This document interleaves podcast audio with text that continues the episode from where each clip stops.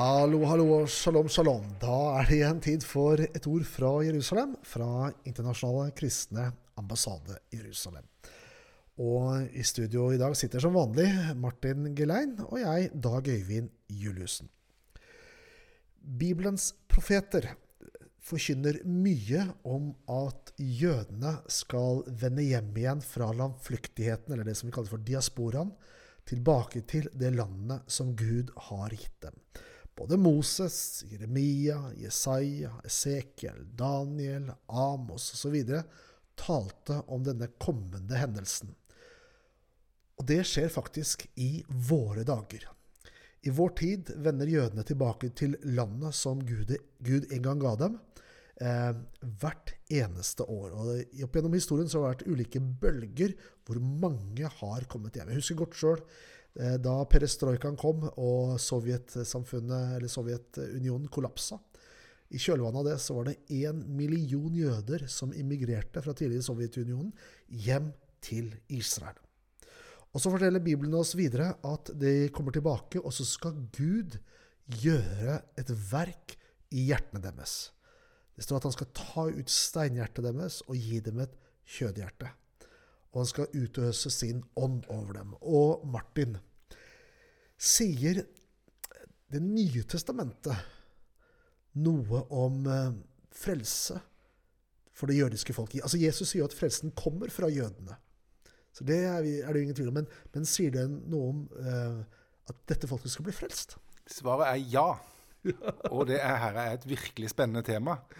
Eh, og Jeg har plukka ut tre bibeltekster som taler helt konkret om det her. Eh, og jeg skal lese de for dere. Først så tar jeg fra Paulus, Romerbrevet 11, 25-27. Ja. Der står det som følgende.: Brødre, jeg vil si dere en hemmelighet, så dere ikke skal ha for store tanker om deres egen forstand. En del av Israel er blitt forherda inntil folkeslagene er kommet inn i fullt tall. Og på denne måten skal hele Israel bli frelst, slik det står skrevet.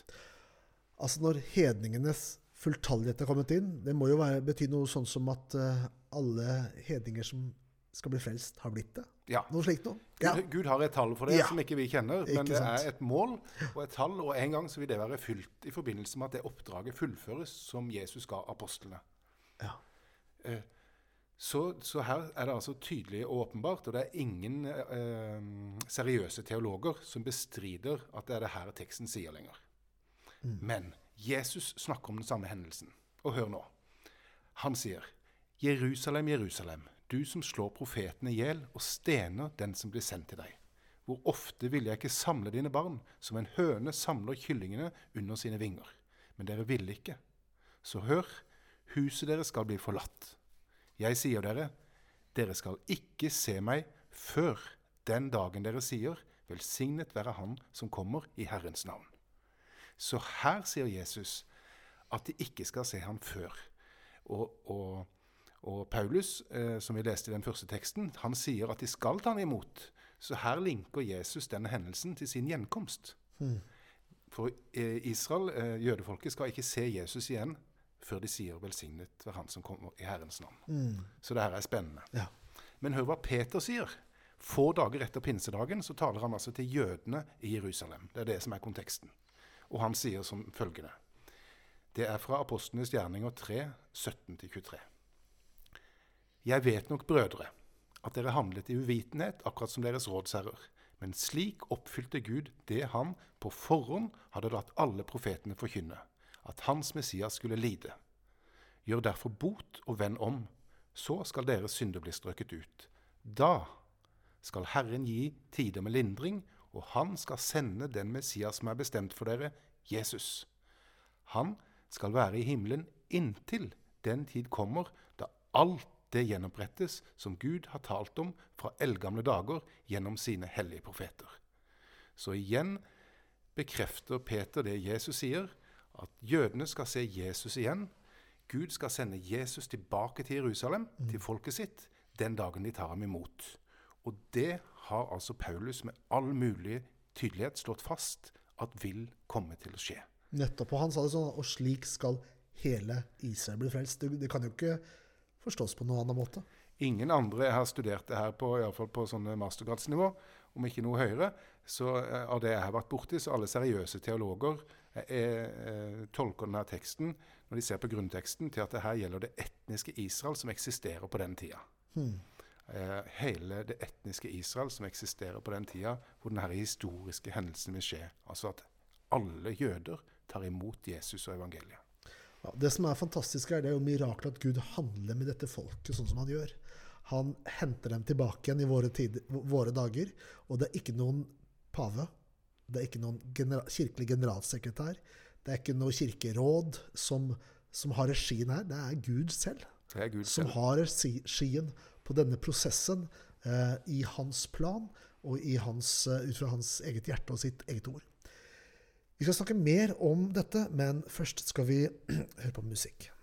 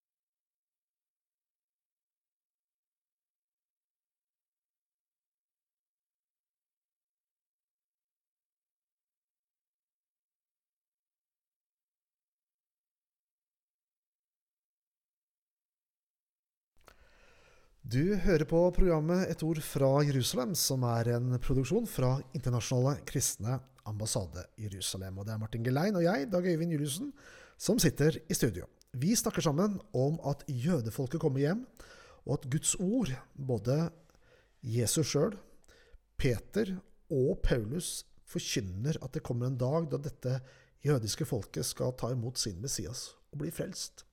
Paulus sier det sånn at og slik skal hele Israel bli frelst. Eh, vi ser jo i dag Martin, at jødefolket kommer hjem. Det har de gjort nå i, i lengre tid. Men ser vi noe tegn på dette med eh, frelsen? Altså at jøder blir frelst i våre dager? Eh, Sammenligna med tidligere historien. Er det noen utvikling der? Ja, om de bibeltekstene er spennende, så er samtida hakket mer spennende. For det er kommet flere jøder til tro på evangeliet de siste 100 åra enn i de foregående 1900 åra til sammen. Og aldri før har så mange jøder trodd at Jesus er Messias. Og moderate tall fra den messianske bevegelsen i Israel sier at det er 30 000 jøder som tror at Jesus er Messias i dag. Andre tall sier det kan være 50 000. Internasjonalt er det uansett flere hundre tusen jøder som tror på Jesus. Og hvert år dukker det opp nye menigheter i alle israelske byer. Og Den messianske bevegelsen den driver bibelskoler, evangelisering og masse diakonal virksomhet i landet, og det bærer veldig mye frukt. Og I denne sammenheng spiller evangeliske kristne en rolle. For kristen misjon har ikke båret mye frukt. Men jeg tror at evangeliske kristnes kjærlighet gjør det, i form av hjelp til jødene og støtte til Israel. At vi på et tydelig kristent grunnlag velsigner de, altså utenfor en bakenforliggende agenda, men av genuin kjærlighet.